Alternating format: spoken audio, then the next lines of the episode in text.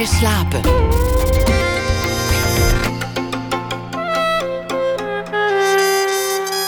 Met Liesbeth Staats. Goedenacht en welkom bij Nooit meer slapen. In de podcast Lees Deze worden klassiekers uit de literatuur opnieuw onder de aandacht gebracht. Straks rond half twee zal het gaan over de roman Kes van de Engelse schrijver Barry Hines. Over een jongen die vriendschap sluit met een vogel. En komend uur zit naast mij schrijfster Manon Uphoff. Ze oogste lof vanaf het moment dat ze debuteerde, ruim 25 jaar geleden. Ze bouwde een oeuvre met onder andere verhalen over moeizame relaties, complexe personages, waarbij haar eigen jeugd, eigen familie vaak de bron van inspiratie was. Op de kaft van haar nieuwste boek, Vallen is als vliegen, staat expliciet vermeld dat dit een roman is die geworteld is in de werkelijkheid. Het is gebaseerd op Uphofs eigen ervaringen, die ze nooit eerder in haar schrijverscarrière durfde te delen met lezers. Nu wel. Wat we lezen is een verhaal uit een jeugd in een groot gezin, waar zonder dat de gangbare termen van incest of kindermisbruik genoemd worden, het overduidelijk wordt dat het hier gaat om een verregaande vorm van misbruik van de dochters in de familie door de vader. Maar het is meer dan dat.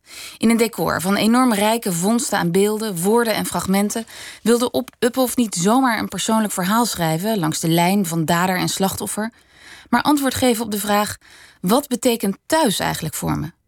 Zelf zegt ze daarover: Voor het antwoord op die vraag moest ik het vergiftigde pad van mijn jeugd teruglopen. Welkom, Manon. Hallo. Hi. Um, ik wilde eerst je vertellen dat ik heel erg onder de indruk was van het boek. Ja. En op twee manieren eigenlijk. Eerst door de feiten die gepresenteerd worden. Dat bleef echt wel even bij me. En later was ik nog meer onder de indruk van de wereld die je oproept aan zintuigelijke ervaringen, metaforen, beelden, kleuren. Je, die, die jeugd wordt heel erg invoelbaar. En uh, dat vind ik heel knap, omdat het zo. Het is een heel heftig onderwerp, maar dat is niet wat het alleen is. Nee, daar heb ik ook, ook heel erg um, mijn best voor gedaan. Niet om dat er op te plakken, maar om eigenlijk weer toegang te krijgen uh, tot die taal en tot die rijkdom aan indrukken en ervaringen. Uh, ik merkte als, als, uh, als schrijver, want je, je, zei net dat ik al 25 jaar schrijf en publiceer. Ik merkte dat er in de loop van de jaren, in plaats van dat er meer stem bij kwam, dus dat je het gevoel hebt dat je als schrijver je palet verbreedt, leek dat zich bij mij wel, uh, wel te verengen. En leek het wel steeds, um, ja, steeds meer kleur en steeds meer rijkdom uit te verdwijnen. En dat verbaasde me. Uh, dat verbaasde me. En waar ging het dan heen? Welke richting?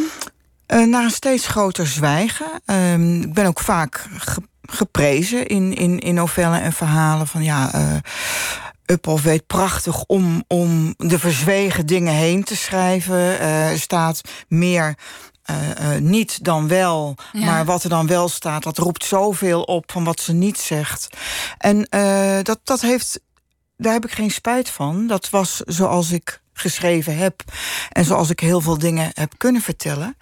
Maar bij dit boek was het vooral ook een zoektocht naar... kan ik nu dat hele orkest gebruiken. Wat, ja, wat er ook is. Ja. En kan ik alles neerzetten? Zijn er geen verzwegen.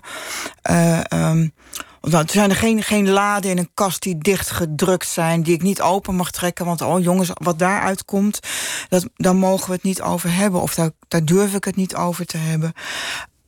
Um, daar ben ik naar op zoek gegaan. Ja. Kan ik dat? Nou, dat, dat onderzoek, dat is het boek geworden. Ja. En uh, we gaan het straks hebben over uh, nou, het, belangrijkste thema van dat boek. Dat wat je zo lang hebt verzwegen. Maar eerst voor ons beeld. Um, wat voor jeugd was het? Je noemt hem ergens. Mijn jeugd was grandioos. Ja, maar dan niet grandioos in de zin van uh, trommels en, en fluiten en tamboerijnen. Van wat was het allemaal heel erg leuk. Ik bedoel, ik gebruik de term grandioos in de zin van indrukwekkend. En nou, stel je voor dat je een, een, een kind in een kathedraal zet en het daarachter laat. Dan kan zo'n kind ook ervaren van dit is een enorme ruimte. En die is door anderen gemaakt. En ik, ik ben daar ingezet en ik, ik zie dat dat, dat dat iets overweldigends is. Iets wat ik niet helemaal kan doorgronden. Hoe is dit gebouw hier gekomen? Wie heeft het gemaakt en wat is mijn, mijn plek erin? Dat bedoel ik ehm, als ik zeg dat mijn jeugd grandioos was. In de zin van het was overweldigend. Er waren zoveel indrukken dat het heel lang geduurd heeft en misschien nog wel heel erg lang zal duren voordat, ja, voordat dat op de een of andere manier is, is, is gebruikt als materiaal, is, is ingezet. Dat ik het gevoel heb van iets, iets daarvan kan ik uitdrukken, iets daarvan kan ik aan de wereld tonen wat dat, wat dat was. En eh, het waren de jaren zestig, jouw jeugd. Jullie woonden in Utrecht, in de wijk Lombok. Wat was dat voor wijk toen? De wijk Lombok was toen ik opgroeide een. Eh, ik, ik ben opgegroeid in de Damstraat. Dat was toen nog een vrij luxe winkelstraat. Met mooie, eh, mooie winkels. Ik herinner me de schittering van de etalages. Um, je had de Kanaalstraat en in de zijstraatjes van de Kanaalstraat, de lagere arbeidershuisjes. Was allemaal rond een zinkfabriek ooit uh, opgetrokken. En het was echt een, een, een enigszins op zichzelf betrokken wijk... die in de jaren zeventig door de bouw van Hoogkatrijnen... en uh, Groot Holiday Inn Hotel afgesneden raakte van het centrum van, van Utrecht. Maar het was eigenlijk altijd al een aparte wijk, echt specifiek zo aangelegd. Ja, en daar ben ik, ben ik opgegroeid in een, in een bovenwoning. En daar speelt ook het verhaal van de familie Holbein, uh, zoals uh, die in het boek heet. Um, niet zonder reden overigens. Uh, speelt zich daar af. Ja, want de verteller in het boek is een meisje dat ja. geboren wordt in een gezin wat al een hele geschiedenis heeft Precies. voor haar geboorte. Ja. Een samengesteld gezin. Um, ja, hoe zag dat gezin eruit? Nou, dat kan ik niet zo 1, 2, 3 nog eens samenvatten. Ik heb er jaren zelf over gedaan om erachter te komen hoe het e-, enigszins in elkaar zat. Omdat dat inderdaad een samengesteld gezin was. En um, ik heb er in het boek heel erg mijn, mijn aandacht aan besteed. Kijk, we, worden we komen allemaal in een wereld, worden we geboren, en die is er al. En er is al heel veel. We komen allemaal terecht in de samenleving die er al is. In een land dat er al is. Met wetten en regels die er al zijn. Met bepaalde systemen, manieren van denken en leven die er al zijn. En ik denk dat bijna ieder kind een beetje de neiging heeft om te denken dat zijn bestaan in een gezin dat dat begint bij jezelf. Want het is heel moeilijk als je klein bent om bijvoorbeeld uh, terug te denken aan een periode dat je nog niet, dat je er nee, nog niet was. Bijna een onmogelijke bijna, bijna een onmogelijke denkoefening. Ja. Maar het was voor dit boek wel heel erg nodig om voor dit verhaal te kunnen vertellen, heel erg nodig om juist ook te kijken naar, ja, maar de verteller die dit verhaal vertelt, dit meisje, die uh, is niet zomaar geboren en alles is nieuw. Nee, daar ligt een enorm verleden al achter. Met een vader die eerder getrouwd geweest is. Met een moeder die eerder getrouwd is, met, geweest is. Met ouders die beide de Tweede Wereldoorlog hebben meegemaakt. Daar hun eigen keuzes ook in gemaakt hebben. Uh, elkaar ontmoeten. Al kinderen hebben uit dat eerste huwelijk. En dan min of meer ja, tegen elkaar aan botsen of gedrukt worden als stukken drijfhout. En dan uit dat eerste huwelijk die kinderen uh, ja, er ineens bij, bij hebben, bij elkaar. En dan begint um, het maken van een nieuw gezin, van nieuwe kinderen die daar weer bij komen. Ja, en daar hoorde jij bij? En daar hoorde ik bij. Maar er was al een enorme kluwe kinderen voordat ik uh, überhaupt bestond. En toen jij geboren werd, wie woonde er toen thuis? Toen ik geboren werd, woonde er um, ja,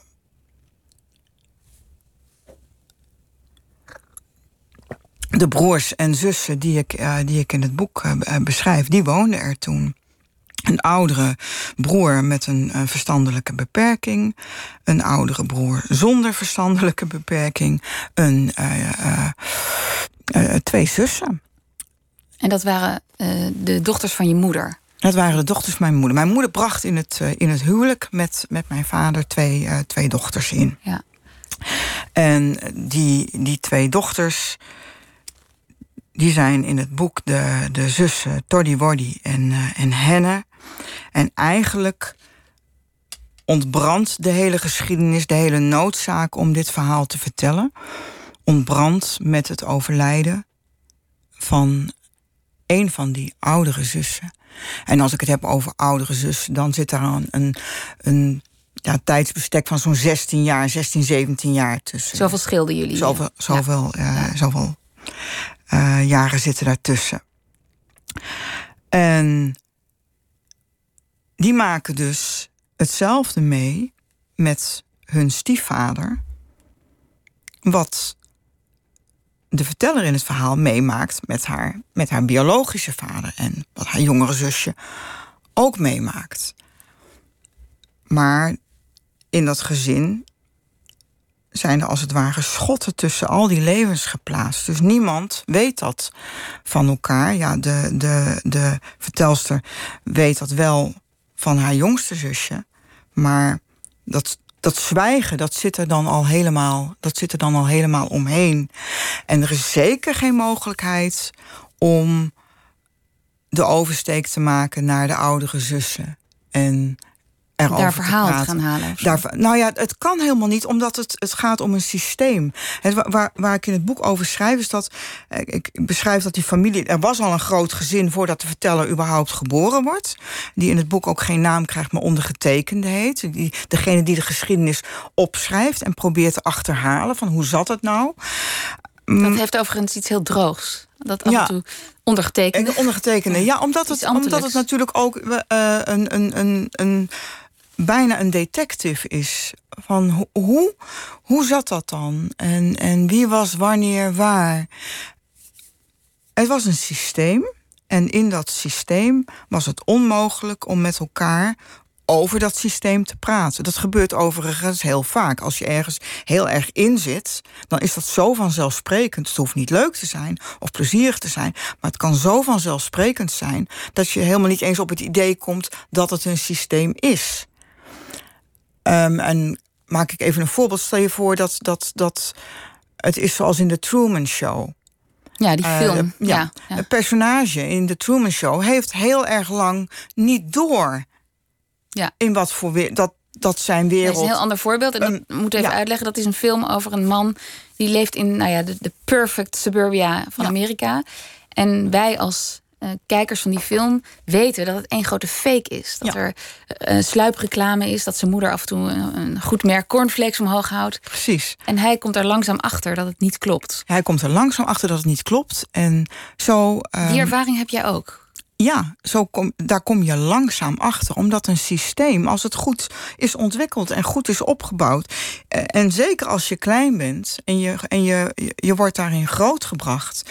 dan is dat zoals de zuurstof die je, die je inademt. Dat is normaal. En het akelige van uh, het normaal vinden van misbruik of geweld en dat is verweven, dat loopt door elkaar. Um, afgewisseld met hele leuke dingen. Met het krijgen van cadeautjes. Uh, met het uh, gevoel uitverkoren te zijn, speciaal te zijn. Dat hele pakket, dat is een, dat is een behoorlijk giftig, giftig mengsel. Maar wat wel lekker zoet wegdringt. Ik kan me herinneren dat ik één keer in mijn puberteit... Is van iemand een glas bessenjenever kreeg. En dat klokte ik toen ook zo achterover, want dat smaakte gewoon als zo'n siropig, kassisachtig uh, iets.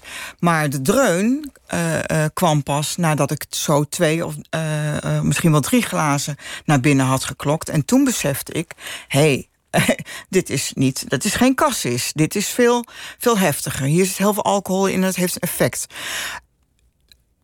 ik, ik moet steeds vergelijkingen maken, omdat als je daar niet in zit, is het zo ongelooflijk moeilijk te begrijpen wat, wat dat is.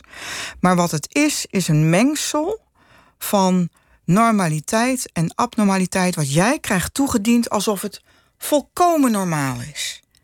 En zelfs als die uh, abnormaliteit die verkocht wordt als normaliteit pijn doet en angsten bij je teweeg brengt. En dat je bang wordt voor de nacht, want dan gebeurde het. Ja, maar dat levert ook een probleem op. En op het gevaar af dat ik misschien een beetje abstract klink. Um, in zo'n systeem raak je losgekoppeld van het contact met je eigen emoties. Een normaal, een, in een, in een, zeg maar, als het normaal gaat, dan weet je bijvoorbeeld eh, als je je vinger in het vuur steekt, um, dat is niet goed, doet pijn, krijg je een blaar. Trek je terug. Trek je terug. Dat is een normale. En dan zeg je auw en dat is een normale reactie. Het is ook een normale reactie dat als je je hand in het vuur wil steken, dat er een ouder op je afkomt en zegt nee en niet doen. En dat is, dat is gevaarlijk. Stel je nou voor dat je ouder dat niet doet. Sterker nog, elke dag uh, ja, je hand even in het vuur houdt. En dat is heel normaal. En dan heb je wel pijn, maar je weet niet dat dat pijn is. En je weet ook niet dat het niet hoort. En je weet ook niet dat het niet hoort. Je hebt wel een gewaarwording. Het is niet dat je, geen, dat je niet iets ervaart van, van, van ongemak of van angst of van pijn of van schaamte of van verdriet of van ontzag of nou ja, een hele waaier aan emoties die je kan hebben. Maar je weet niet dat het dat is. En dat is een schok, denk ik, uh, op het moment dat een, een leven zich doorontwikkelt. En je gewoon allerlei dingen kan gaan doen. Uh, kan gaan, uh, in mijn geval gewoon een goed leven opbouwen met fijne mensen daarin. Um, maar dan komt die botsing ineens met een, een wereld waarin de dingen wel redelijk normaal lopen. Ja. En elke keer als dan iets heel normaal verloopt, is er even zo'n schok van hé, hey, maar dat was toen heel anders. Wat zegt dat? Wat is dat dan? Ja. En jij kreeg, dat schrijf je ook, of laat je zien in het boek, ook wel kieren of ramen gingen af en toe open naar de normale wereld. En daar wil ik het straks graag over hebben, want we gaan even naar muziek luisteren. Ja. Muziek die jij vaak opzet of luistert als je werkt, als je schrijft, van Nina Simone. Don't let me be misunderstood.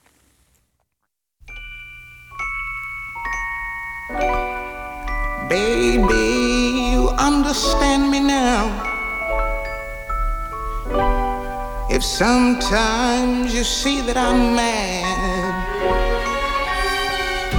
don't you know no one alive can always be an angel? When everything goes wrong, you see some bad. But I'm just a soul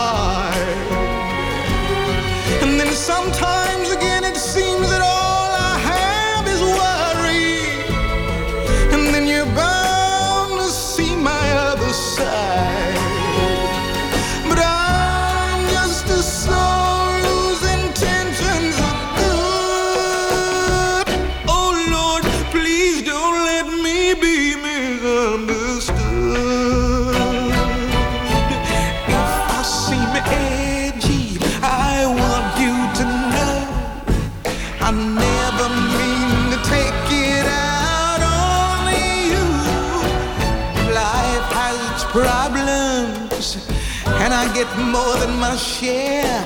But that's one thing I never mean to do, cause I love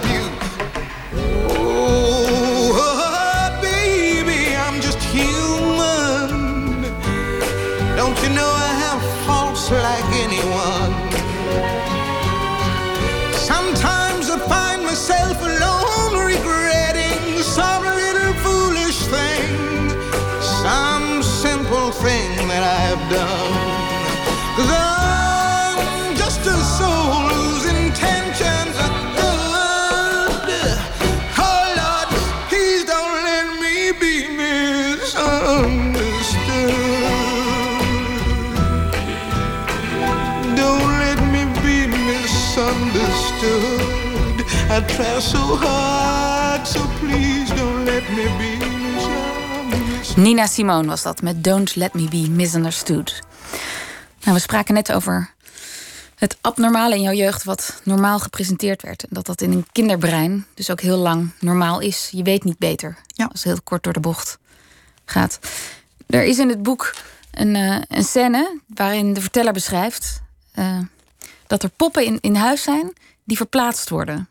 Ja, dat is, Wat een van daar? de, dat is heel lang een van de plezierige en fijne herinneringen van, eh, van het meisje eh, als ze klein is. Zij heeft prachtige poppen, die ook allemaal een, eh, een naam hebben en hun eigen, nou, hun eigen kleertjes en dergelijke.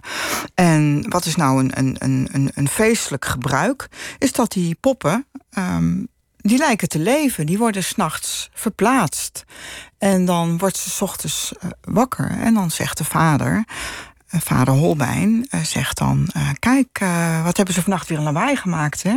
En dan zit er eentje op de wasmachine... en een andere pop zit op een, op een kast... en weer een andere pop staat in de hoek van de gang. En dat is leuk, dat is spannend. Dat, dat zijn, levende, ja, zijn levende wezens dus. Ja, dus ze hebben een verhaal. En ze hebben een verhaal. En dat is heel erg lang een plezierige, rijke herinnering. Totdat de realisatie komt op een dag dat dat met een reden gedaan werd. Dat die poppen uit die kamer gehaald werden en verplaatst werden. Om het mogelijk, en dat dat verhaal werd verteld om het mogelijk te maken. Om die kamer in te kunnen gaan en daar een tijd te zijn. Die kinderkamer, die, Ja, die meisjeskamer. Die meisjeskamer. Eh, en dat is dan ontploft als het ware iets wat, wat tot een rijke, fijne, warme herinnering eh, hoort. Dat ontploft. En dat, dat spat in, in, in duizend gruzelementen eh, uiteen. En de tijd die daartussen zit, voordat je het ene aan het andere kan koppelen, die, ja, die kan heel lang zijn. Dat kan, je kunt mm, dat heel lang uit elkaar houden. En je bent in dit boek heel grondig te werk gegaan qua onderzoek. Ja. In de geschiedenissen van je ouders en het Ja. gezin wat er al was voordat jij geboren werd. Maar kom je nog wel eens van dit soort valse herinneringen tegen? Of herinneringen die opeens een andere kleur krijgen of een andere context? Ja, ik kom voortdurend valse herinneringen tegen. Dat maakt het zo ongelooflijk ingewikkeld. Een van de dingen waar ik enorm tegenaan liep... en wat ook een, een, een, een hoofdstuk in het boek eh, beslaat... dat is eigenlijk waardoor het allemaal aangefonkt is... dat is hoe de herinnering aan, eh, aan de oudere zus eruit ziet. Welke plek die zus in het leven van de verteller inneemt. En dat is een plek, nou, het is geen grote plek, laat ik het zo zeggen. Er wordt gezegd dat, dat die zus speelt al geen rol van belang meer in dat leven. En die, die wordt eigenlijk een beetje weggedrukt als zijnde eh, eh, ja, oninteressant en, en, en misschien wel een beetje. eh, te stug en te gesloten om mee om te gaan. En een van de moeilijke dingen vond ik om te zien hoe dus dat hele traject van waar je loyaliteit ligt, hoe ook dat vervormd is geraakt. Zodat we bij wijze van spreken als gezin de vader langer in ere hebben gehouden dan, De oudste zus. dan de oudste zus. En dat is een ontzettend pijnlijke constatering. Ja. Dat je dus iemand niet gegeven hebt, niet, niet de liefde en de warmte en ja, het soort zusterschap wat ze verdiend had. En dat je iemand erg lang de liefde en de loyaliteit bent blijven geven. Die die persoon eh, niet helemaal eh, verdiend heeft. En wat ook erg lastig is, is om los te komen. Kijk, ik kan, ik kan er niet aan ontsnappen dat, dat ik zelf als, als kind van mijn vader hield. ja. Dat, dat deed ik. Als volwassen vrouw moet ik. De, in de liefde die ik, die ik nu voel, moet ik, daar moet ik afstand van nemen. Ik zeg, dat kan ik, dat kan en wil ik niet meer doen. Omdat, omdat, omdat. En dat is een knoop waar je als, als, als mens in verstrikt raakt. Die, die, die heel erg lastig is om, eh, om, eh, om mee om te gaan. En dat probeer ik eigenlijk allemaal mee te nemen. Eh, daar heb ik naar gezocht in het boek om, om ook dat te beschrijven. En eigenlijk van het, van het pure beschrijven van het misbruik zelf, om het daarvan af te trekken. En ook om te kijken in wat voor samenleving kunnen dit soort dingen? En hoe worden. Hoe. Ja. Hoe worden dat soort eh, vaders tot de vaders die ze zijn? Ja. En over de samenleving en waarom dit kan in een samenleving waar iedereen, nou op een bovenwoning, dan, dan wonen er heel veel mensen in de straat. Ja. Waarom het kan en hoe wij daarop reageren, daar wil ik het straks heel graag over hebben. Nog even een, een, uh, een vraag. Op de kaft van het boek staat dat het uh, nou, geworteld is in jouw leven, dit verhaal. Maar je schrijft wel, of je, ze zegt nu ook in dit interview de verteller, en zo is het ook beschreven, ondergetekende. De familie heet Holbein en ja. niet Uphoff. Waarom heb je het niet in de ik-vorm verteld en waarom heb je gekozen voor een verteller? Het is wel een ik-vorm. Sorry, maar, maar ik bedoel, in de, je, refereert nu aan de verteller. Ja, omdat, kijk, als ik. Als ik, uh, ik, ik kan als, als schrijver meer, oneindig veel meer, dan ik als niet-schrijver kan. Als ik dat naadloos op elkaar leg, dan zeg ik eigenlijk alles wat ik ben en alles wat ik kan zijn, dat zit hier in dit boek. En daarbuiten is geen ruimte meer. Maar ik ben al heel erg veel jaren. Uh, ja, uit dat gezin. Ik, ik leid al heel veel jaren een, ander leven met mensen die daar een rol in spelen. En hetzelfde geldt voor de beschreven broers en zussen. Ook zij hebben al lang hun eigen levens, waar ze op hun eigen manier richting en vorming aan geven. En ik beschrijf in het boek hoe eigenlijk het gezin voortdurend gevormd wordt door de vader. Die daarin als een God heerst, die zijn wil oplegt, die doet waar hij zin in heeft, die beschikking heeft over geest en over lichaam, die dus optreedt als een totale bezettingsmacht. Want daar gaat het eigenlijk om. Je kan zeggen misbruik, maar dan, dan, dan krijgen we daar hele andere en soms ook vlakkere ideeën over. Maar gaat om dat niemand in dat gezin, zoals ik het beschrijf, was van zichzelf. Niemand had recht op het eigen lijf en niemand had recht op het eigen denken. Dus dat was een totaalbezetting in een huis. En dat was normaal. En binnen die totaalbezetting, zou je bijna kunnen zeggen, werd de vader misschien wel evenzeer aanbeden als dat mensen in Korea uh, dat doen met hun grote ja, leider. Ja. Ook vanuit angst, maar ook vanuit oprechte, uh, ja, oprecht respect, liefde en ontzag. En er waren ook gunsten. Hij, en er waren ook gunsten. Hij er waren ook jou in de wereld van kunst en cultuur en literatuur. Dus er waren ook, ook beslist ook hele mooie en, en, en, en spannende en intrigerende en fijne dingen aan. De vader was ook degene die verzorgde, die, die uh, de maaltijden uh, bereidde. En dat, uh, en dat waren gewoon mooie, goede, fijne maaltijden. Um, en dat is waarom trek ik dat nu uit elkaar? Omdat als ik dat gewoon op elkaar zou klappen, dan zou ik eigenlijk zeggen: Nou, dat is dus nog steeds zo. En dat is niet zo. En die bezettingsmacht, dat is lang voorbij. Wat ik in het boek heb moeten doen, is: kan ik daarna terugkeren? Durf ik dat? Durf ik daarna terug te keren en echt in alle eerlijkheid te onderzoeken en te kijken naar hoe dat was? En dat is wat ik geprobeerd heb. Maar daarom hecht ik er heel erg aan om toch een onderscheid aan te brengen tussen de schrijver, de verteller en ja. ja de persoon die ik verder daarbuiten ook nog ben. En denk je dat het je het werk, het schrijven zelf en het onderzoeken ook iets makkelijker daardoor was? Of anders? Als je het meisje Manon had genoemd en Uphoff had gebruikt?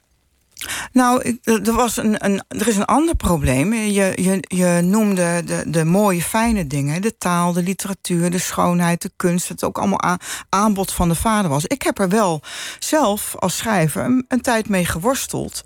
Van ja, diezelfde taal die ik heb aangeleerd... Die, ja. Moet je nu weer inzetten? Die moet ik nu weer inzetten. Dat is ja. ook een soort loyaliteitsknoop. We praten straks verder na het nieuws. En dan hoort u ook de podcast Lees Days over de vergeten literaire klassieker Kes. Dat en meer straks na het nieuws van 1 uur.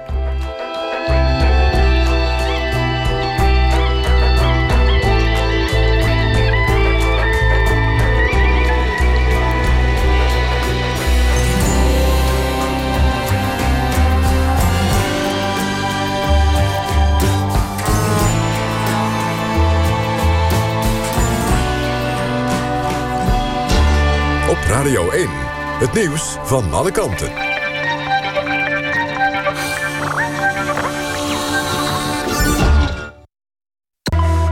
Het is 1 uur, Waterbalgemoed met het NWS Journaal.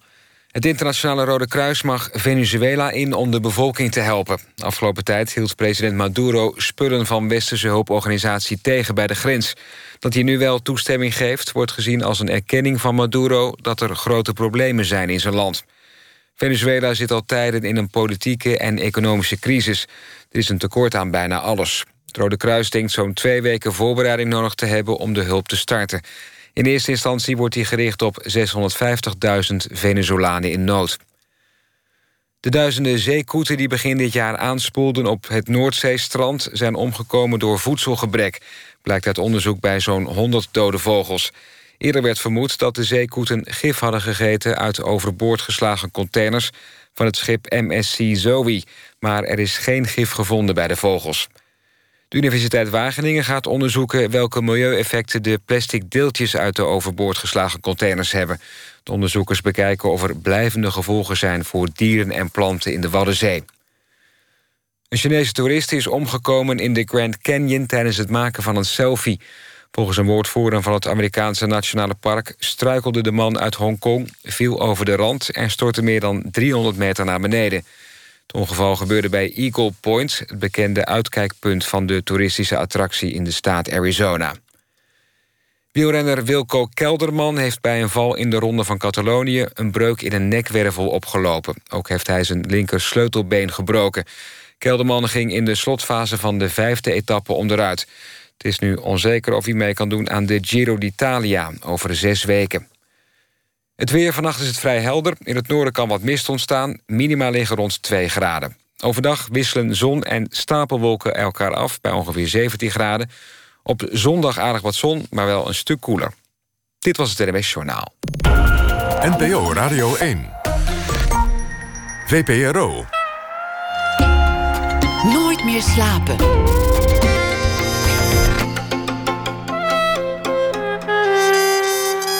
Met Liesbeth Staats. Welkom terug bij Nooit meer slapen. Naast mij aan tafel zit nog steeds Manon Uphoff. En voor het nieuws hebben we het onder meer gehad over de Utrechtse jeugd van de schrijfster. En het belangrijkste thema uit haar jeugd, waar nu een boek over verschenen is. Hoe de vader in het gezin bezit neemt van zijn dochters, fysiek en mentaal. Ik schreef, of ik vertelde in de inleiding, in het vorige half uur, dat het zo'n rijk boek aan beelden is en metaforen. En dat de termen incest en misbruik niet vallen. Nee. Je, hebt, je, noemt, je beschrijft de vader als een soort minotaurus, of als een soort als een minotaurus. Overdag is het een man met een baan. Ja. En die jou boeken geeft en je introduceert in de literatuur. En s'nachts zie je hem voor je als minotaurus. Nou, niet, niet Je eens. refereert aan hem als ja, een ik, minotaurus. refer- ik refereer in het boek aan, aan, aan vader Holbein.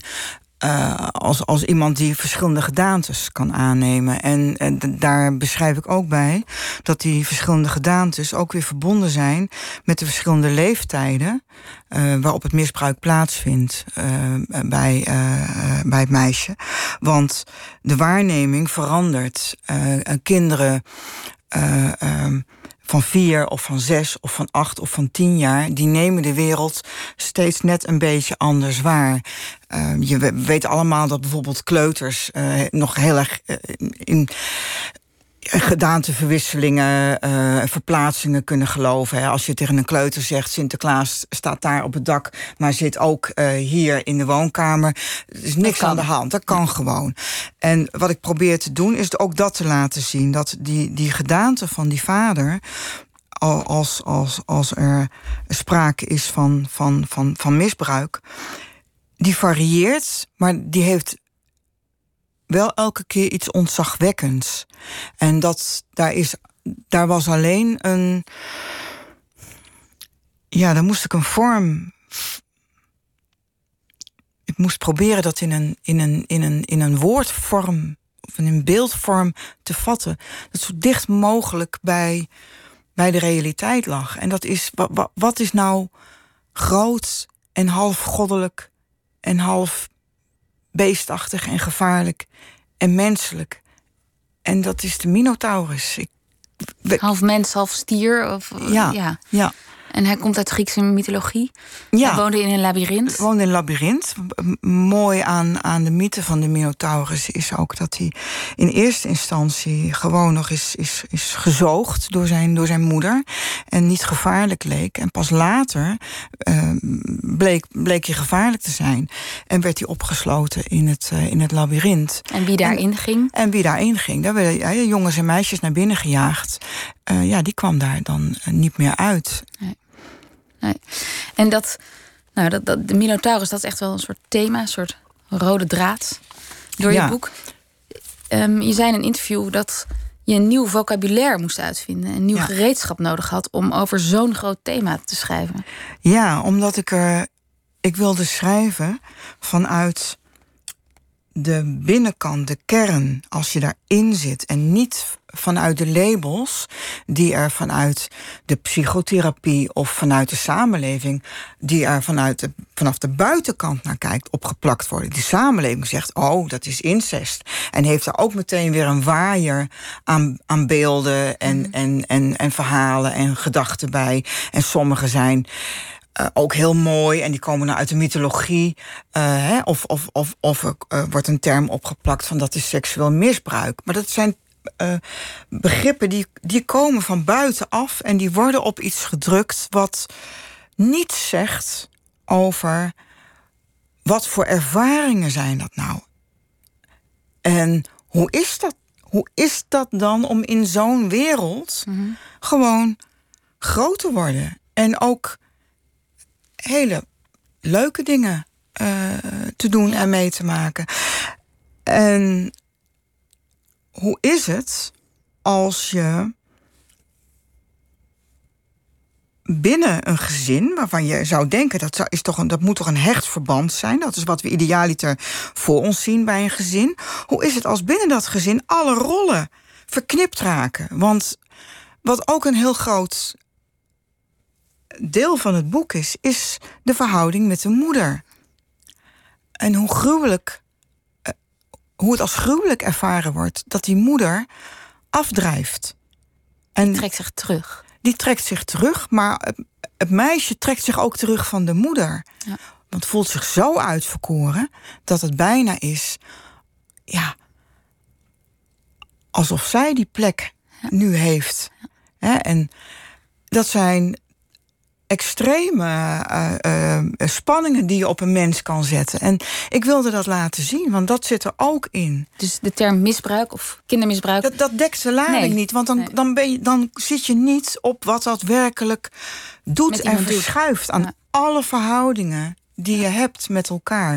En als je er nu zo over vertelt en als, als ik erover lees, open, coherent. En dan vraag ik me af, waarom duurt het zo lang voordat je dit grote thema in een boek hebt laten terugkomen? Of zo persoonlijk?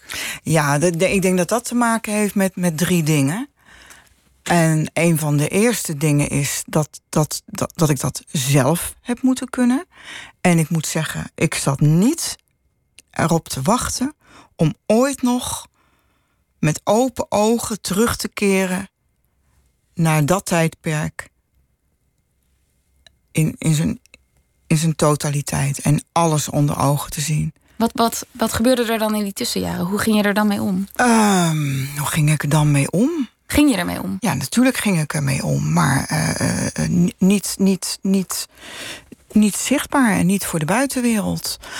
Ehm, heel netjes, zoals mijn oudere zus dat bijvoorbeeld gedaan heeft. De zus die in het boek uiteindelijk zich uithongert en van een trap valt en sterft. En dan is Eh, ze 69. Dat is 69. eh, not a spring chicken, zeg ik eh, ook ergens. Maar zij, zij doet het dus eh, volgens de boekjes. Niet, niet de wereld en, eh, en de omgeving lastigvallen met een ongewenst verhaal. En als ik, als ik de vraag krijg van... ja, waarom heb je zo lang gewacht om, om daar een bewerking van te maken... en dat in een boek op te schrijven... dan voelt het bijna alsof ik, alsof ik op het matje geroepen word. Alsof ik de plicht heb gehad om dat eerder te doen. Maar wat ik zei, er zijn eigenlijk drie dingen. Eerst moet je, moet je dat zelf kunnen. En ik heb daar een vocabulaire voor moeten ontwikkelen. En ik ben nu 56. Ik denk dat ik er misschien wel 56 jaar over heb moeten doen... om te weten van nu, nu, nu he- heb ik die taal zo in mijn vingers. En nu heb ik zo eerlijk durven kijken. Ik denk dat ik nu dat kan. Maar het tweede is dat het moet ook mogelijk zijn in een samenleving. En die moet ook zeggen: oké, komt met zo'n verhaal. En niet alleen ik persoonlijk, maar mensen komen met zo'n geschiedenis. Vooruit, we stoten je niet onmiddellijk uit de gemeenschap. Kom maar met dat verhaal, we luisteren ernaar. Nou, hoe moeilijk is dat? Ja, het is dat niet bepaald een warm bad, hè? Het is Wat niet bepaald een warm bad wacht. wat je opwacht. En dan is er nog een derde eh, eh, moeilijkheid. En dat is als je dat op de een of andere manier wil opnemen in iets wat je belangrijk vindt: de literatuur, de kunst. Eh, en zegt als schrijver: ik wil dat het daar een plek in kan nemen. En dat het niet. ehm, verplat wordt, niet vervlakt wordt, niet, niet eruit gestoten wordt, omdat dat daar niet in zou horen, niet in zou passen. Dus dat zijn drie enorme horden die genomen moeten worden. En ik denk dat ik gewoon zelf heel erg lang hard heb moeten werken om in staat te zijn om, om weer te scheppen met die taal. Of niet weer te scheppen, om, om met die taal ook deze wereld te kunnen neerzetten. Want ik schreef natuurlijk al. Maar Ja. deze wereld, daar heb ik lang over moeten doen voordat ik dat kon. En over de samenleving. Ik herinner me nu Giet Op de Beek. Die bij de Wereld Draait Door voor het eerst sprak over eh, haar vader die haar misbruikt had. En dat toen vervolgens de discussie ging of je dat je wel zou kunnen herinneren als je dat in therapie voor het eerst weer eh, eh, je herinnert of dat dat naar boven komt. Met andere woorden, het ging niet over het probleem, maar het ging over de geloofwaardigheid ervan. Ja, er is een, een hardnekkig mechanisme om te kijken... Kan je, kan, zijn er mogelijkheden om het verhaal er weer uit te stoten? Waarom is dat? Omdat het natuurlijk een, een, een ontzettend naar verhaal is. Het, het, trekt, het trekt ook eh, de samenleving een beetje open... en laat zien wat daaronder allemaal gist en kolkt... en wat niet in orde is. En helaas, ehm, en dat schrijf ik ook in het boek, is dit niet een unieke geschiedenis. Het is in zijn details. Op detailniveau is het uniek. Maar het is niet zo dat ik hier nu als enige ter wereld het verhaal vertel van een gezin waarin misbruik plaatsvindt. Dat vindt plaats. Gewoon in onze wereld, eh, tussen mensen. En er eh, zijn eh, vreselijke vormen van machtsmisbruik. Gewoon tussen mensen die elkaar kennen, tussen familieleden. Mensen die van elkaar houden. Mensen die van elkaar houden. En ja, dat, is, dat zijn ingewikkelde verhalen. En dat is eng. Dat is eng om je. Ik vind het eng. Ik kan heel goed begrijpen dat mijn omgeving dat ook eng vindt. En dat een samenleving daar ook niet op zit te wachten. In, in die zin herken ik dat heel erg. Want ik dacht, ik zit daar ook niet op te wachten. Maar ik zit erin. Eh, dat is geen keuze. Ehm, maar maar ik, ik begrijp dat mechanisme wel.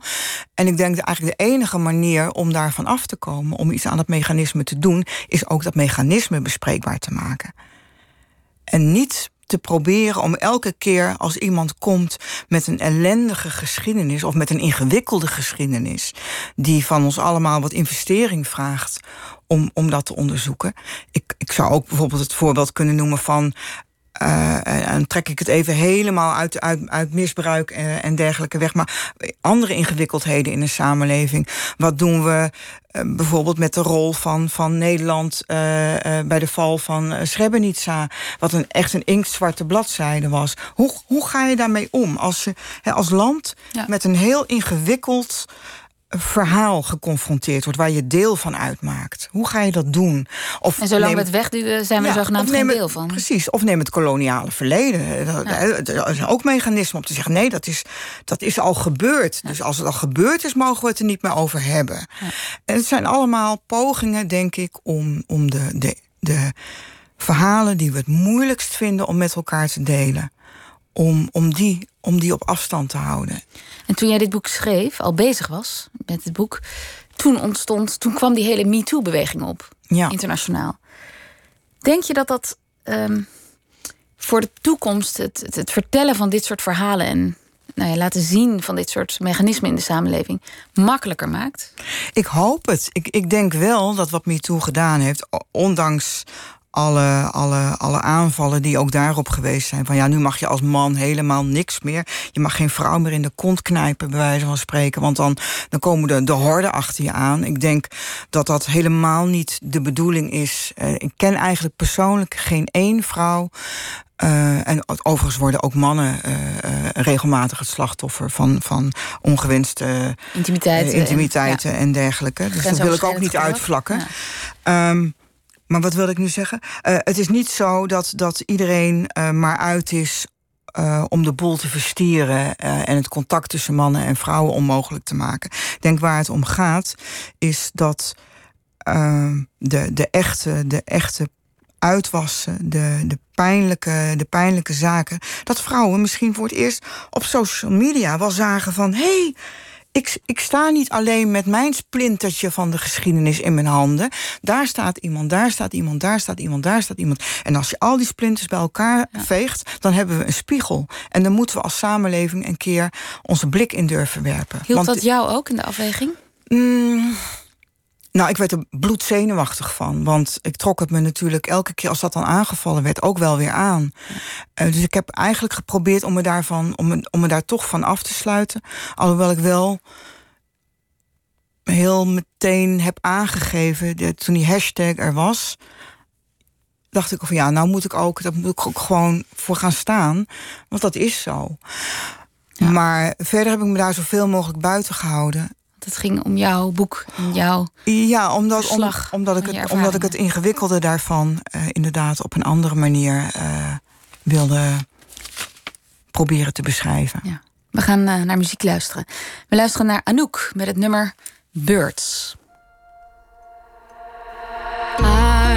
Isolated from the outside Clouds have taken all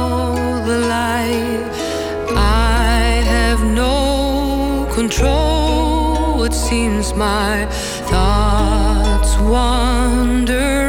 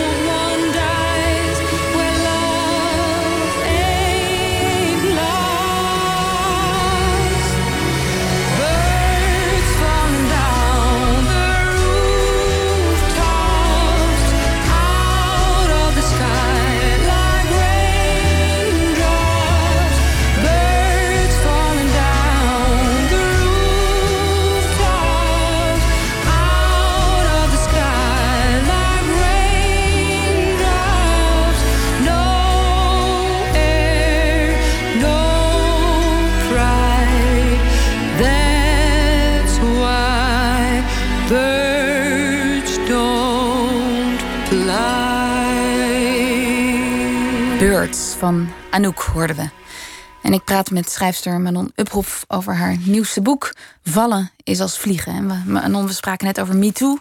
En ik vroeg me af of je daar enigszins door gesterkt was... of dat je, nou, wat voor invloed die beweging had. En toen moest ik denken aan het begin van het boek... waarin je een soort uitlegt waarom dit boek er nu er kwam... en wat de aanleiding was. En dat is de dood van je oudste zus. En je zei, ik was eigenlijk woedend toen ze stierf. Of ik werd woedend. Ja, ik, ik, ik werd woedend. En het was een hele goede drijfveer. Ja, ehm, mensen, en ik zelf ook trouwens, worden nog wel eens ongemakkelijk bij woede. En zeker als het om woede van, eh, van vrouwen gaat. Dan zijn we niet zo gewend. Ehm, ook Dan zijn we hysterica's. Of, ja, ja, oh, en misschien wat er een angst is van ja, wat zouden ze dan gaan doen? En ik denk dat, dat de angst, ehm, dat die angst er is, omdat er misschien wel een besef is dat, dat eh, soms hele gerechtvaardigde woede is. En ehm, ik, voelde die, ik voelde die woede toen, toen eh, mijn zus eh, stierf. Omdat ik dacht, we hebben allemaal eraan meegewerkt om haar op een plek te houden waar haar verhaal niet van belang is. Waar haar stem er niet toe doet. Want je zus zweeg Ja, ze zweeg. over wat er gebeurde thuis. Ja. En Wat ze, dat met haar gedaan had. Ja. en ze hongerde zichzelf uit. En ze verloor op een gegeven moment ook letterlijk, eh, letterlijk haar stem. Ze, ze, eh,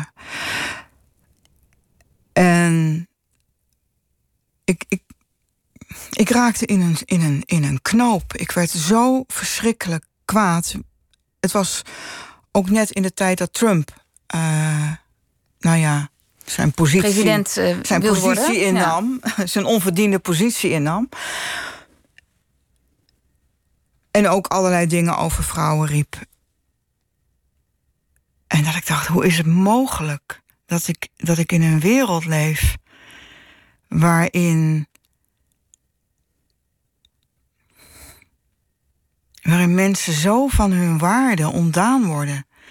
En zo worden beroofd van hun stem. Dat nie- niemand miste die stem. Niemand vroeg erom. En ehm, ik, werd heel, ik werd heel kwaad op mezelf.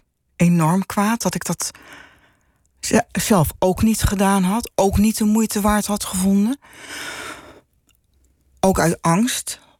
Want wat, wat, Ja. wat gaat dan uit dat contact ontstaan?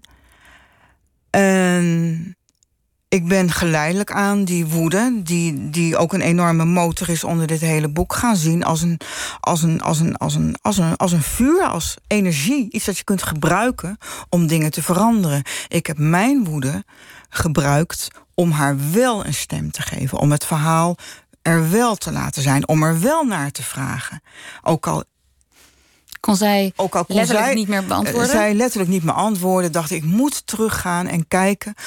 Hoe ver kan ik teruggaan om wat over haar te weten te komen? Over haar jeugd, haar achtergrond. Hoe is zij dit gezin binnengekomen? en hoe is ze er weer uitgegaan? En hoe is ze, weer uit, hoe is ze er weer uitgegaan? En dat, dat kon in gesprekken met, eh, eh, met, met, met, met, met mijn zussen. En in het, in het boek, en daar trekt het wat van de letterlijke werkelijkheid af natuurlijk.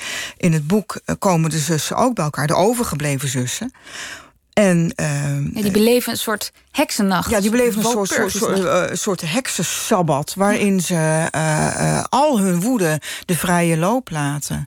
En ook iedereen die ter verantwoording geroepen moet moet worden, waar, eh, eh, eh, vooral de vader in dit geval, ter verantwoording roepen. En ook zeggen, dood is geen excuus. Wat ik zelf ongelooflijk prettig vind, vond om dat te kunnen opschrijven. Dat dat geen excuus Het gebeurt namelijk heel vaak. Over dat, de doden, niks dan goed. Nou ja, dat, dat je gewoon niet meer de kans hebt om, om, om een delict het terug te brengen Nee. naar, naar de bron. Om te zeggen, jij hebt dat delict begaan. En, en, en daardoor staan jij en ik nu in een bepaald soort relatie tot elkaar... die ik niet, niet wil.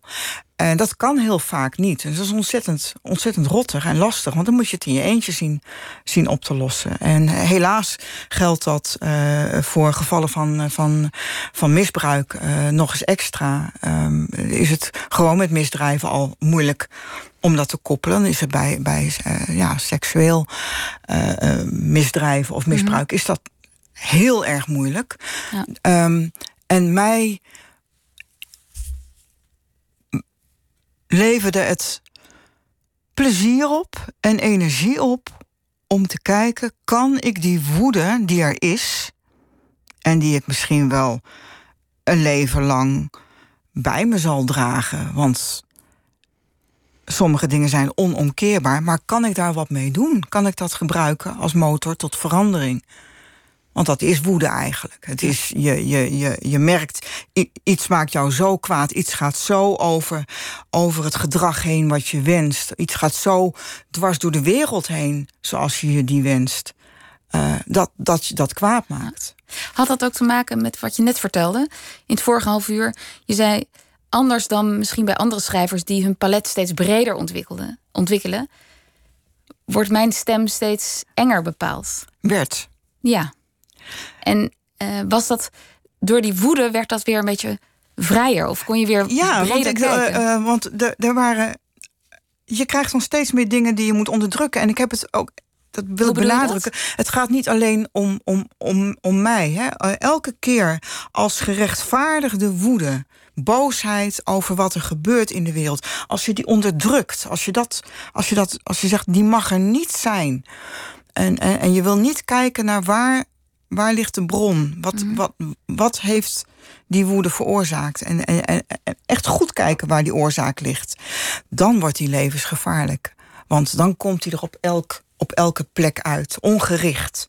Dan krijg je dat je op een gegeven moment zo kwaad bent... dat eh, je bij wijze van spreken op straat kan lopen... en een willekeurig vreemde een klap voor zijn kop kan geven. Gewoon omdat je er zin in hebt. Omdat je altijd zo'n vat met woede bij je hebt... waar je maar heel even het dekseltje van af hoeft te trekken. Dan krijg je de ongerichte woede... die vreselijk gevaarlijk is in de samenleving... en die ook weer door anderen kan worden ingezet. En dat zien we eigenlijk dagelijks gebeuren. Ja.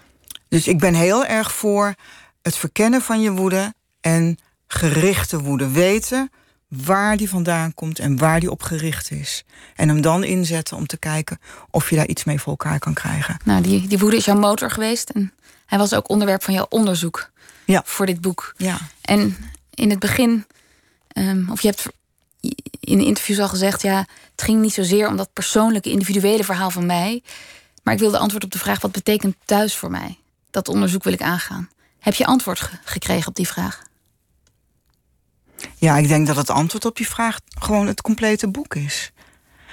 En het boek eindigt ermee dat er een, dat er een verbinding plaatsvindt met andere levensvormen dan alleen de ouders of, of dat gezin.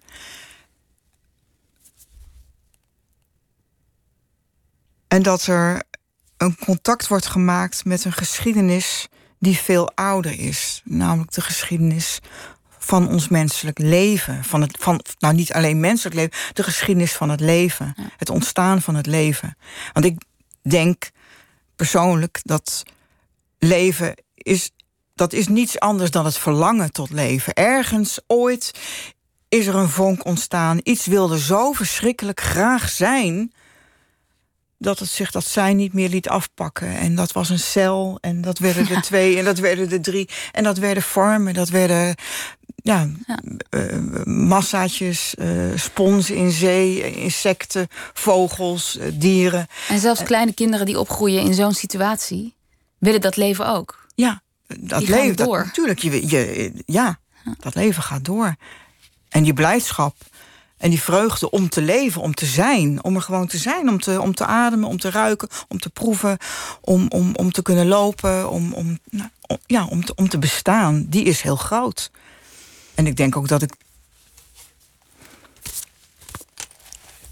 Ja, dat ik, dat ik die er absoluut ook als uitzwaaimoment in het boek in wilde hebben. Ja. Vallen is als vliegen is een heel indrukwekkend boek. Manon Ufhoff, ik bedank je voor de manier waarop je hierover wilde praten met ons. En ons inzicht wilde geven in die enorme, complexe thematiek van wat dan plat misbruik heet. Heet, ja. Dankjewel.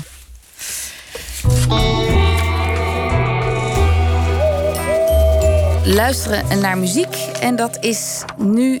eh moet ik heel even zoeken, maar. Will Knox.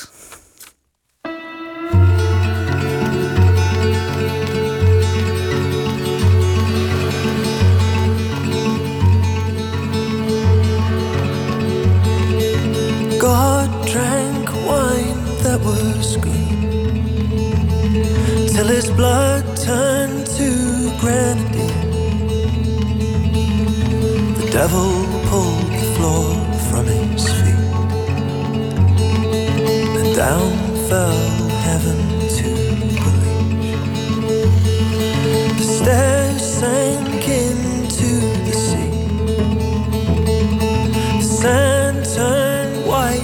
teeth. Time dried up in heat. When heaven fell down to believe. Now there is no paradise. No prize or afterlife. Joanna, if it's me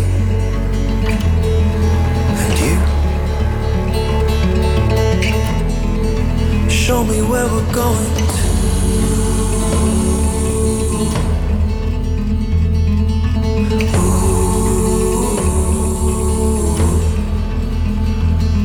Now prayers are out of her hands. Mary works on her turn. The sun is out fell down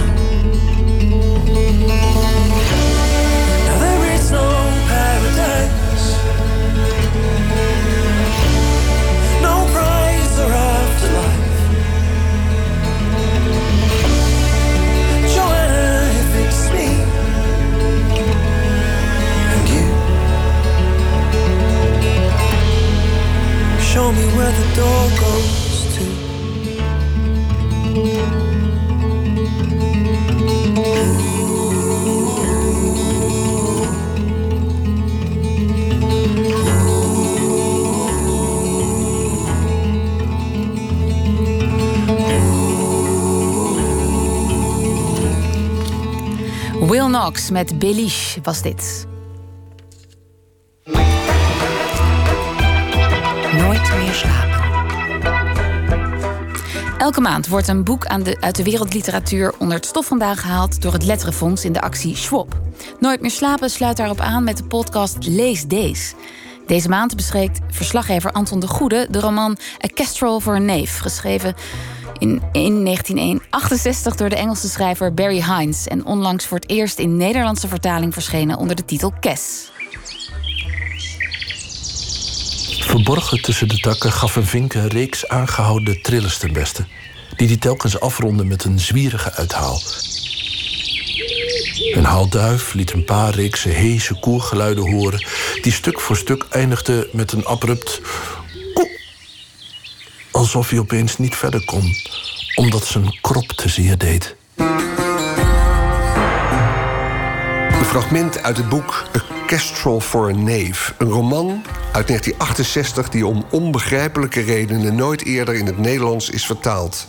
Een roman die het verhaal vertelt van een arbeidersjongen die in de jaren 60 van de vorige eeuw opgroeit in de straatarme Engelse mijnstreek Yorkshire.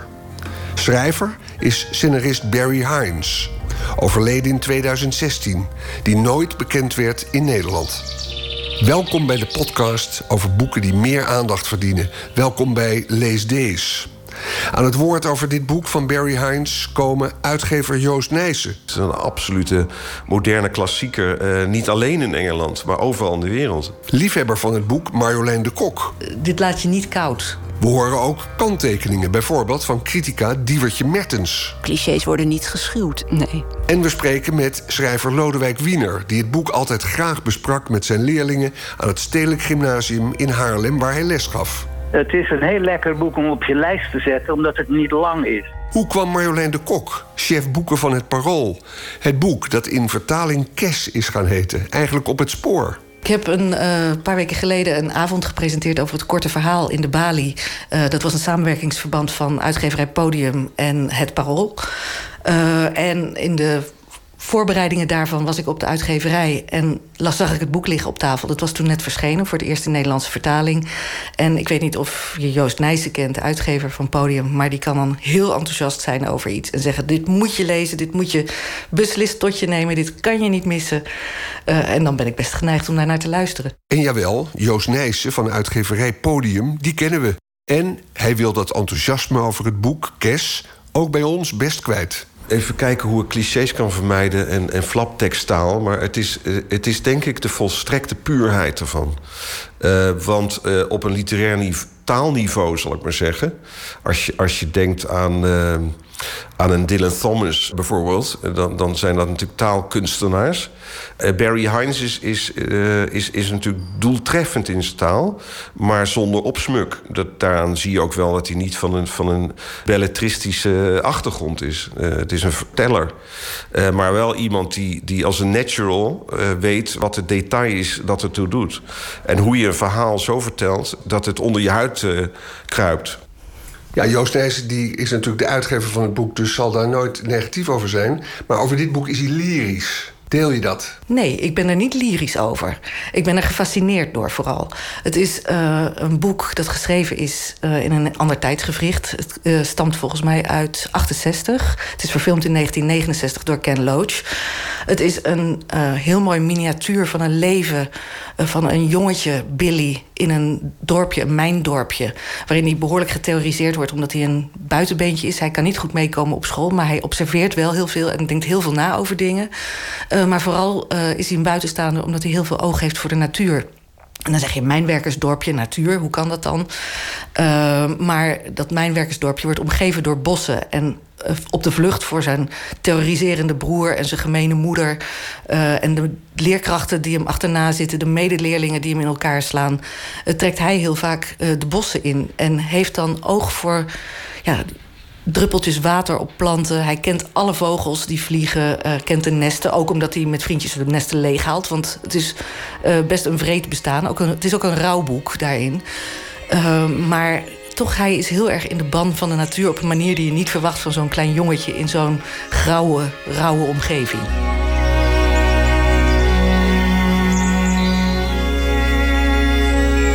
Het kreupelhout werd dunner. Er maakte plaats voor open plekken die alleen met gras waren begroeid. Boven zijn hoofd vormden de in elkaar grijpende boomtakken een groen baldakijn, waar op sommige plaatsen bundels zonlicht schuin doorheen vielen, die de grijsgroene stammen bespikkelden en de kleur van het gras en het gebladerte naar voren haalden. Licht en schaduw. Met elk bladgeritsel ontstond er een spel van licht en schaduw. Barry Hines is zelf opgegroeid in een dorpje vlakbij het dorpje dat hij in het boek beschrijft. Uh, en hij vertelt dat hij zelf zo'n kind was dat altijd de natuur opzocht. En hij zegt van ja, mensen zien alleen maar rokende schoorstenen en viezigheid en ellende. Maar ik was altijd buiten. Ik was altijd in de natuur aan het rondstruinen. En dat heeft hij zijn Billy meegegeven. Ik moest heel sterk denken aan, uh, aan een boek wat ik had uitgegeven hier van Alex Bogers, alleen met uh, de goden. Dat gaat dan over een jonge man die droomt van een beter leven vanuit de misère, net zoals de jongen in, in, in Kes. Uh, en die troost zoekt bij, um, bij, bij een hond, bij een pitbull in een asiel. En hier is het dus dat jongetje dat zijn, zijn dromen en zijn hoop verplaatst naar, naar zo'n valkje. Het is een hele traditie eigenlijk, heb ik later pas bedacht. Van, er zijn een heleboel boeken in de wereldliteratuur... waarbij een soort coming-to-age boeken... waarbij een jonge held of heldin zich vastklampt... Vanuit ellende aan een dier... Ja, natuurlijk ook alleen op de wereld van Hector Malot. Maar ik dacht ook laatst uh, aan Pippi Langkous, toen de papegaai... Uh, waar ze zich zo mee verbonden voelde op, ik geloof, 55-jarige leeftijd overleden is. Ook Diewertje Mertens spreek ik over Kes. Critica voor het Parool en eveneens Sven. Zij het met reserves. Ik heb het gelezen als een roman over onrecht. Over hoe moeilijk het is om je eigen afkomst te ontvluchten. Als je als dubbeltje wordt geboren, zul je nooit een kwartje worden. 1968 was een hele andere tijd. Dat klopt. Er zijn uh, ondertussen meer mogelijkheden gekomen voor kinderen uit kansarme gezinnen. Maar vergis je niet, de omstandigheden waarin je opgroeit zijn in grote mate bepalend voor de kansen die je krijgt in het leven. Ik denk wat eh, Barry Hines wilde laten zien is uh, hoe groot het belang van onderwijs is. In een interview gaf hij aan dat hij een politieke uh, agenda heeft met het boek. Hij wilde het falen van het Britse onderwijssysteem aan de orde stellen. Als je laag instapte, dan was het bijna niet mogelijk om hoger op te komen. En dat zie je heel goed in deze roman terug. Heb je enig inzicht of dat onderwijs sindsdien erg veranderd is in het Verenigd Koninkrijk? Nee, daar, daar heb ik niet zo'n zicht op. Um, ik denk wel dat, uh, omdat er in Groot-Brittannië meer een klassenmaatschappij is dan in Nederland, dat het, um, dat het moeilijker is om aan je eigen klasse te ontsnappen.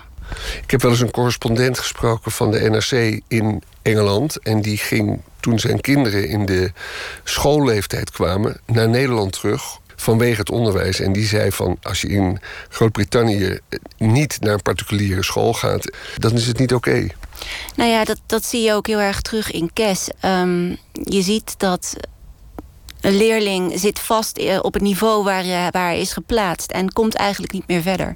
Er is helemaal geen ruimte voor groei. In Nederland kun je nog een niveau hoger doorgaan. Je kunt van, van MAVO, HAVO naar VWO. Maar daar lijkt dat onmogelijk. Vond je verder van het boek? De inhoud sprak me erg aan. Het is een realistische schelmenroman, zou je kunnen zeggen. Ik vond het stilistisch niet altijd even geslaagd.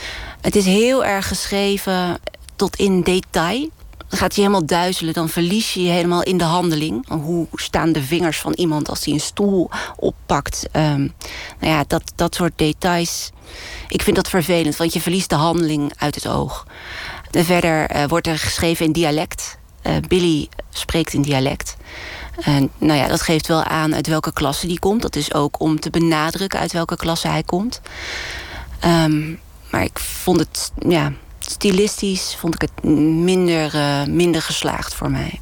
Joost Nijssen had het zojuist over een coming-of-age boek. Maar Marjolein de Kok ziet dat anders. Het is niet echt coming of age, omdat het uh, Billy is 12 en is 12 als het verhaal eindigt.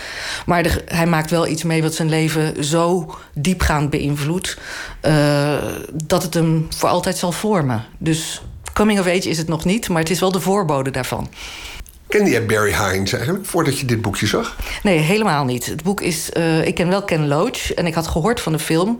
Maar de film is ver van voor mijn tijd. Ik ben geboren in 1967. Uh, dus het is echt door deze Nederlandse vertaling dat het uh, onder mijn aandacht is gekomen. Maar ik moet ook zeggen, ik zou het in het Engels niet hebben kunnen lezen.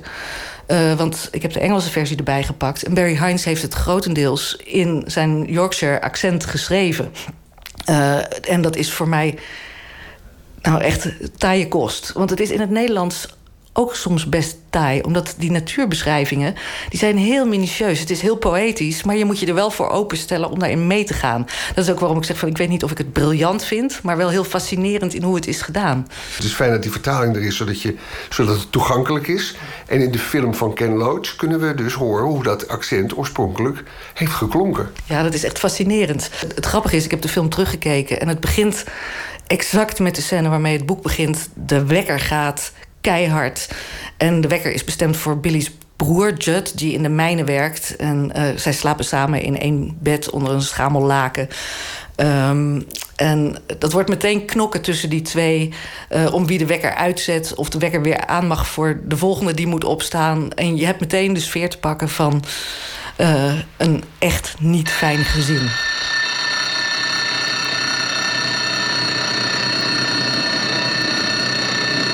Bij het gerinkel schoot Billy overeind en begon met zijn ogen stijf dicht in het donker rond te tasten.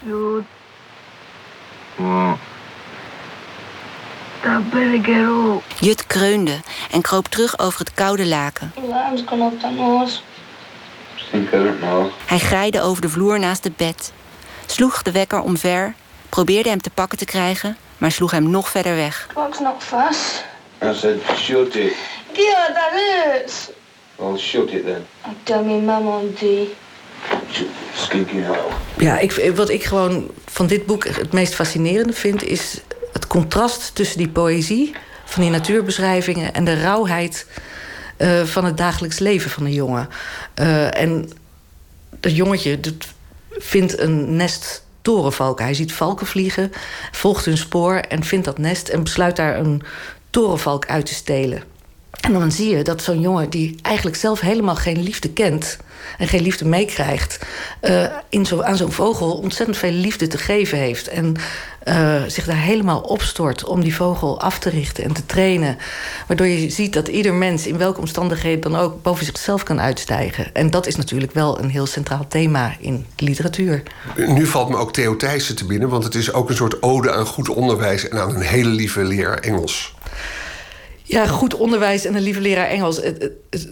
Ik, ik moet daar een beetje om lachen, omdat ja, die lieve leraar Engels is er dan uiteindelijk wel eh, door een ehm, voorval in de klas waarin Billy over eh, feiten en fictie moet vertellen, eh, wordt hij door zijn klasgenootjes een beetje aangezet tot het vertellen van het verhaal van zijn torenvalk waarvan hij in de ban is. En de leerkracht ziet ineens dat jongetje dat altijd zit te dromen en nooit meewerkt en dan wordt gepest, een beetje zullig in zijn ogen ziet hij ineens door andere ogen.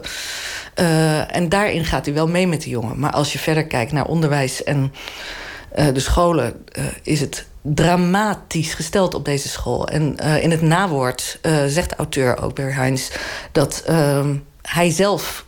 go- goed onderwijs genoten heeft, omdat hij zijn lagere school met heel goed gevolg had afgerond. Maar dat zijn vriendjes uit dezelfde klasse naar een school gingen vergelijkbaar als die van eh, Billy. En dat de verhalen die hij, hij rondom Billy gesponnen heeft, daadwerkelijk heeft gehoord eh, van eh, zijn toenmalige vriendjes. En Billy wordt getheoriseerd door een leerkracht. Er zit een scène die is in de film ook heel erg uitvergroot van een gymleraar. Eh, die eh, Billy eerst helemaal eh, te kakken zet omdat hij geen gymkleren heeft. Waarom heeft hij geen gymkleren? Ja, mijn moeder wil ze niet kopen. Maar je hebt toch zakgeld, dan kan je ze zelf kopen. Nee, ik moet allemaal geld afdragen aan mijn moeder. Dan in een veel te grote gymbroek in het doel wordt gezet. En dan door die leerkracht op alle mogelijke manieren de hoek in wordt gedreven. Tot in een douche met ijskoud water, waar die wordt gevangen gehouden door klasgenootjes. Dat geeft. Het, is geen ideaalbeeld van het onderwijs, zou ik zeggen.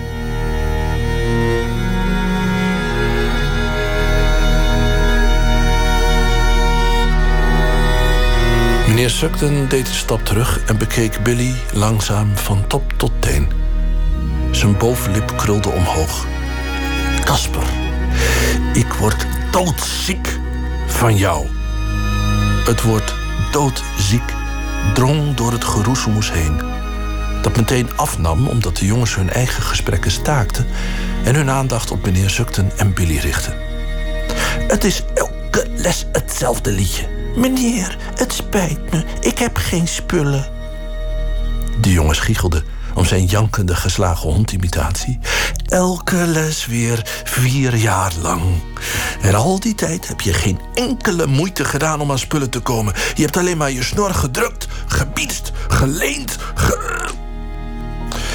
Hij probeerde dit alles er in één ademstoot uit te krijgen. Zodat zijn blozende hoofd nog roder aanliep dan het al was. En opgloeide als een rode ballon.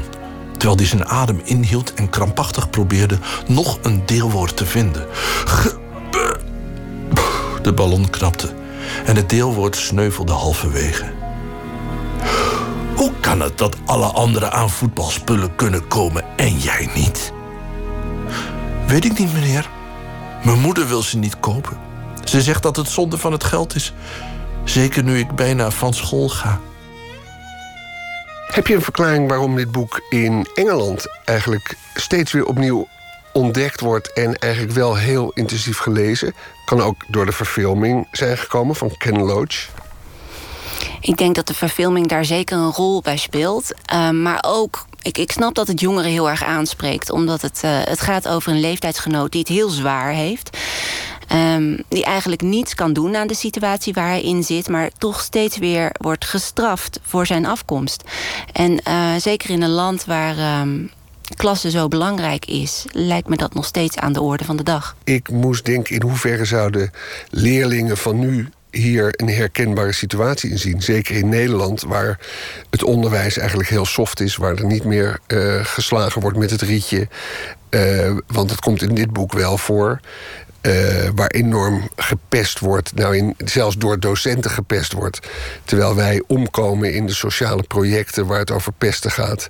Ik bedoel, het is toch eigenlijk helemaal niet meer van deze tijd. Ja, wel, wel en niet. Uh, ik denk dat sommige dingen inderdaad niet herkenbaar zijn voor leerlingen van nu. Dat, dat rietje, uh, die enorme hiërarchie, uh, zullen Nederlandse leerlingen ook niet herkennen of erkennen. Maar um, nou ja, het gaat ook over gevoelens. Hè? Uh, gevoel van onrecht. En je ziet heel duidelijk hoe machteloos die Billy is. En ik denk dat leerlingen daar wel gevoelig voor zijn. Juist voor die emoties. Is er een Nederlands boek dat in je opkwam toen je dit las? Ja, ik moest direct denken aan uh, Nestor van L.H. Wiener. Dat gaat over een jongen die een uh, L vindt in het bos en die El mee naar huis neemt en daarvoor gaat zorgen. Dan zie je ook die hele hechte vriendschap tussen een vogel en een, uh, en een jongen. En uh, ja, daar deed het me direct heel erg aan denken. Weliswaar vind ik Nestor beter geschreven. Eigenlijk jammer dat Wiener eigenlijk nooit is doorgedrongen tot de top van de Nederlandse schrijvers. Want dat, dat, dat verdient hij eigenlijk wel. Ja, dat vind ik doodzonde. Ik ben een heel groot fan van L.H. Wiener. Ik heb zijn hele oeuvre gelezen. En uh, ja, hij zou dat wel verdienen. Hij zou meer aandacht verdienen in de literatuur. De roman Nestor is het boek van Lodewijk Wiener... waarvoor hij in 2003 de Bordewijkprijs kreeg. Het thema van dat boek is... een jongen traint een uil als stroef... om het mooiste meisje van de school te imponeren. Zij komt ook naar hem toe om de verrichtingen van de uil te zien... waarbij het allemaal miserabel misgaat. Bij Wiener kan je daarop wachten... De vergelijking tussen de boeken Kes en Nestor door Diewertje Mertens is terecht. Wat vindt Lodewijk Wiener er zelf van? Kent de inmiddels 74-jarige schrijver het boek van Barry Hines? Zo ja, wat vindt hij van het boek en van de parallellen die wij signaleren? Ik ken het boek uh, Kestrel voor een neef. Ik heb de film gezien die daarvan gemaakt is uh, onder de titel Kes. En het heeft geen enkele invloed gehad op mijn boek Nestor. Dat is een autobiografisch gegeven. Uh, op de omslag van, van het boek staat een 15-jarig jongetje, dat ben ik, afgebeeld met een uh, ransuil op zijn pols. En dat is Nestor. Ik heb het, uh, het is een grotendeels autobiografisch gegeven, maar ik heb het eind om compositorische redenen uh, fictioneel wat opgerekt. Maar het is een zelfstandig gegeven en uh, ik, ik, ben door niemand beïnvloed. Het grappige is dus dat jij als kind hebt meegemaakt dat je een liefde ontwikkelde voor een vogel, in jouw geval een uil. En dat dat ook het verhaal is dat hier verteld wordt door Barry Hines. Ja, dat is zeker een parallel. Ja, je kunt gefascineerd raken door, nou ja, door, door van alles. Voor mij waren dat in mijn jeugd inderdaad vogels. Ik heb ook veel over vogels geschreven. Ehm, en ja, eh, de, de, de, de uil was vroeger nummer één. Het is later eigenlijk de valk geworden. Kom je toch nog in de buurt van Barry Hines. Ja. Eh, Valken hebben geen naam is een novelle die ik heb geschreven. Eh, Je kende het boek Kes, je kende ook de film van Ken Loach. Wat vind je van het verhaal van Barry Hines? Ik moet je eerlijk zeggen dat eh, de sentimentaliteit overheerst. Dus eh, het is eh, lekker uitgewerkt, lekker triest. Ik, nee, ik acht het niet erg hoog. Nee. Een broer die, die, valk dan doodmaakt later. Ik, je moet het ook kunnen geloven. Het kan wel allemaal, maar nee, midden, middelmatig. Is het een boek dat jij, want je bent ook docent Engels, lange tijd geweest, dat je aan je studenten aanbeval? Ehm, het, is een, het is een heel lekker boek om op je lijst te zetten, omdat het niet lang is. En het is natuurlijk een, eh, een heel duidelijk, makkelijk gegeven. Eh, ik, ik meen me te herinneren dat we de film een keer op school hebben vertoond. Aan, eh, ja, dat zijn dan geen studenten, maar mijn leerling. Ik was eh, leraar op een gymnasium. Het is wel grappig dat je zegt dat je het sentimenteel vindt. Eh, is dat iets dat jij in jouw verhalen probeert te vermijden? Ja, dat is een wet. Dat is een wetmatigheid. Als je tot sentimentaliteit vervalt, ja, dan, eh, dan, eh, dan, ga je, dan ga je in het ravijn. Nee, het is, het is iets subtieler. Als je, en dat heeft eh, Frans Tomezen ooit een keer gepresteerd. Als je langs de rand van het ravijn weet te manoeuvreren. Dus af en toe even ketst tegen sentimentaliteit, maar toch binnen de grens blijft. En dat is hem gelukt bij de beschrijving van eh, de dood van zijn pasgeboren kind, eh, schaduwkind. Ja, dan, eh, dan, dan weet hij je zo binnen dat gevoel te trekken. Want gevoel is natuurlijk heel belangrijk. Maar se- senti- sentimentaliteit, dat is, dat is vals gevoel. En, en, en daar moet je dus net binnen zien te blijven. En dat lukt voor meesten dus fantastisch. En voor mij is, eh, is dat een test. Kan dit... eh, eh, in het verhaal Valken hebben geen naam. Dat eindigt ermee dat het, dat het hoofdpersonage op zijn rug ligt. En dan tranen in zijn ogen heeft. En dan hoog boven hem een eh, torenvalk ziet cirkelen. Wat daar de reden van is, laat ik nu even in het midden. Ik denk dat dat net nog kan. Ehm, maar ja, dat is de kunst. Om net binnen het, eh, het gevoel uit te buiten. Maar binnen sentimentaliteit te blijven. Waar meet je dat dan aan af? Want als je zo het eind van je eigen verhaal beschrijft... ja, dat zou je ook sentimenteel kunnen noemen. dan moet ik er toch iets dieper op ingaan. Eh, heel kort, een jongen heeft een valkennest ontdekt...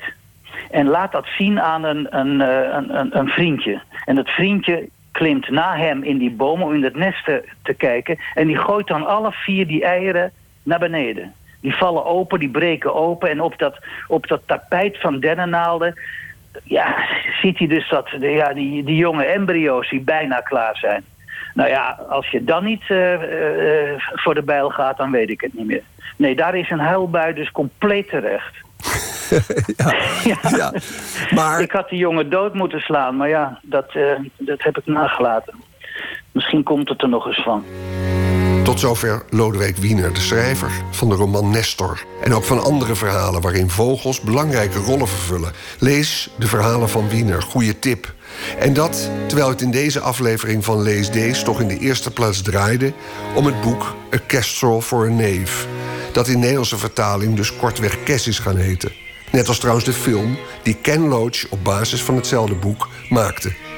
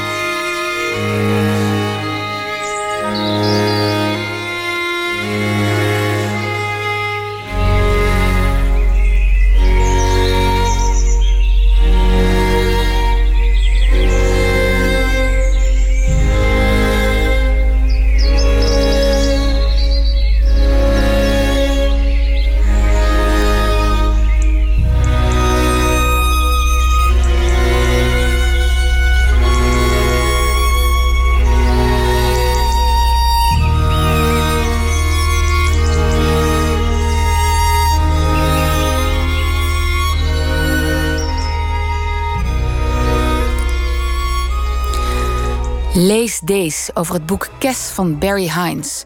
U hoorde chef boeken van het Parool Marjolein de Kok, criticus Diewertje Mertens, uitgever Joost Nijssen en schrijver Lodewijk Wiener. Gemaakt door Anton de Goede met dank aan het Letterenfonds. En ik vertel nog iets over maandag, dan gaat Pieter van der Wielen in gesprek met Guillaume Schmid, een van de oprichters van het streetwear label Patta. In 2004 openden ze hun eerste sneakerwinkel in Amsterdam en inmiddels is Patta uitgegroeid tot een internationaal platform voor straatcultuur.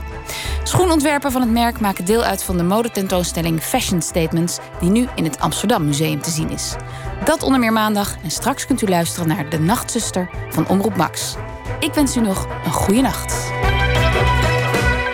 Op Radio 1, het nieuws van alle kanten.